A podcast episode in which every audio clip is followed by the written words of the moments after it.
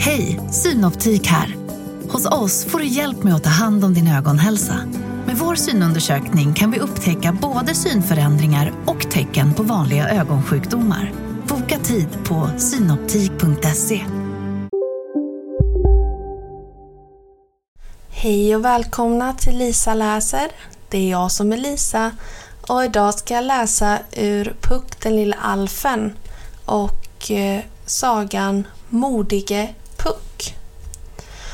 De stora älvorna och feerna satt och berättade spännande historier för pysslingarna och alfbarnen. Det är inte alltid så här lugnt och fridfullt i Trollskogen, sa de. Ibland tränger en vild, rytande drake in mellan träden och sprutar eld genom näsborrarna. Då måste alla älvor och feer och alfer och pysslingar hjälpas åt för att driva bort odjuret. Så spännande! flämtade Puck. Händer det ofta att drakarna kommer före frukost? Jag tror inte att jag skulle klara av att vara modig innan jag har ätit en smörgås. Man kan aldrig veta när drakarna kommer, svarade de stora älvorna. Det kan ske före frukost eller efter kvällsmaten eller till och med mitt i mellanmålet. Drakar tar ingen som helst hänsyn till hyggligt folk. Och så skildes de alla åt och gick åt olika håll i den fridfulla eftermiddagen. Men Puck såg sig noga för.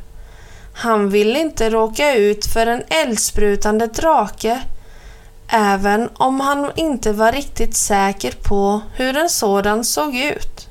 Plötsligt fick han syn på Maggie Mygga som såg ut att vara på ett uruselt humör. Puck var övertygad om att hon var en drake. Han ryckte till sig en torkad blomma och rusade tappert fram mot Maggie Mygga medan han ropade Ge dig iväg din otäcka eldsprutande drake!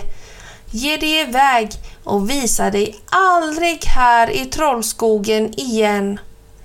Maggie Mygga blev förvånad. Hon begav sig till feerna och sa att Puck måste ha fått solsting.